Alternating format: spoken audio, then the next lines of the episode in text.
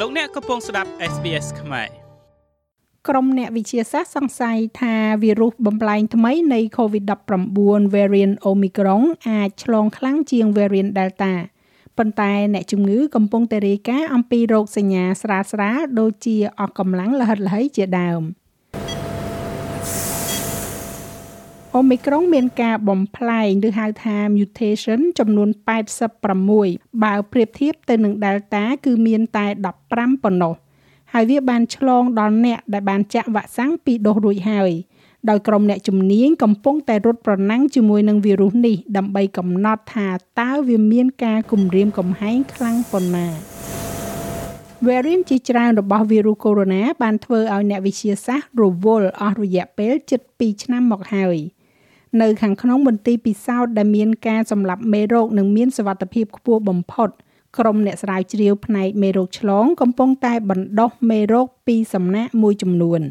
ពួកគេបានធ្វើតេស្តសាកល្បងអំបូរ Alpha, Beta, Delta និងអំបូរមួយចំនួនទៀត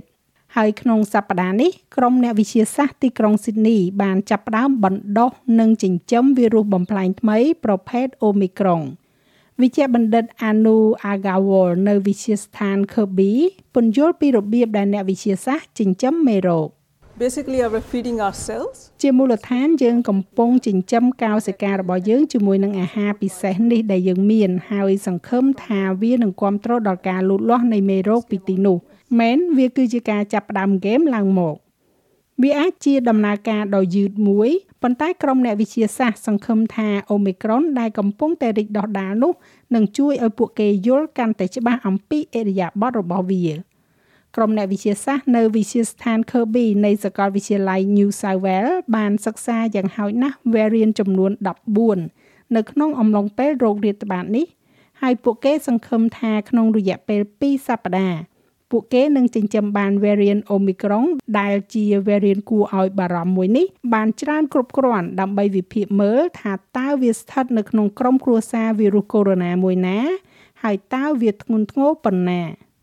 សាស្ត្រាចារ្យ Stuart Terville អ្នកឯកទេសខាងមេរោគឆ្លងនៅវិទ្យាស្ថាន Kirby មានប្រសាសន៍ថា សំខាន់ពួកគេចង់កំណត់ឲ្យបាន ថាតើអង្គបដិប្រាណរបស់វ៉ាក់សាំងនឹងរារាំងអូមីក្រុងបានដែរឬទេ So whether it be the, a booster ដូច្នេះមិនថាវាជាដូសជំរុញឬជាការចាក់វ៉ាក់សាំងពីរដូសនោះទេ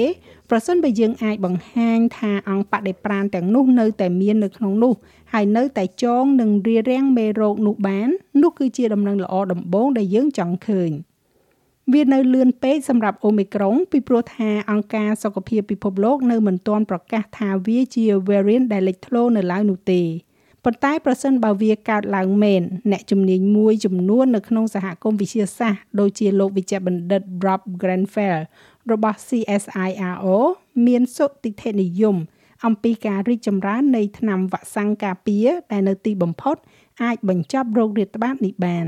if it'll dominate it's going to run ប្រសិនបើវាលេចធ្លោវានឹងដំណើរការក្នុងរយៈពេល9ខែបន្ទាប់ដោយដែល Delta មានហើយបន្ទាប់មកយើងនឹងចាប់ផ្ដើមឃើញវាចេញហើយប្រសិនបើយើងមិនទទួលបាននៅ variant ផ្សេងទៀតលេចឡើងនៅកន្លែងណាមួយក្នុងរយៈពេលនោះយើងនឹងចាប់ផ្ដើមនិយាយថាយើងប្រហែលជាចេញផុតពីរឿងនេះហើយវាគឺជាការព្យាករណ៍នៅពន្លឺនៅចុងបញ្ចប់នៃផ្លូវរុងដងងងឹតដែលនឹងកើតឡើងនៅខែកញ្ញាឆ្នាំក្រោយ ប៉ុន្តែទាំងអស់នេះគឺវាអាស្រ័យទៅលើអត្រានៃការចាក់វ៉ាក់សាំងនៅលើសកលលោកទាំងមូល។ចាស់ហើយសម្រាប់វិធានការសុខភាពនិងជំនួយគ្រប់គ្រងដែលមាននាពេលបច្ចុប្បន្នដើម្បីឆ្លើយតបទៅនឹងការឆ្លងរាលដាលនៃ COVID-19 ជាភាសារបស់លោកអ្នកសូមចូលទៅកាន់ sbs.com.au/coronavirus របាយការណ៍នេះចងក្រងឡើងដោយ Felicite Davi និង Stephanie Cossetti សម្រាប់ SBS News ហើយប្រាយសម្រួលសម្រាប់ការផ្សាយរបស់ SBS ខ្មែរដោយនាងខ្ញុំហៃសុផារ៉ានីចុច like share comment និង follow SBS ខ្មែរនៅលើ Facebook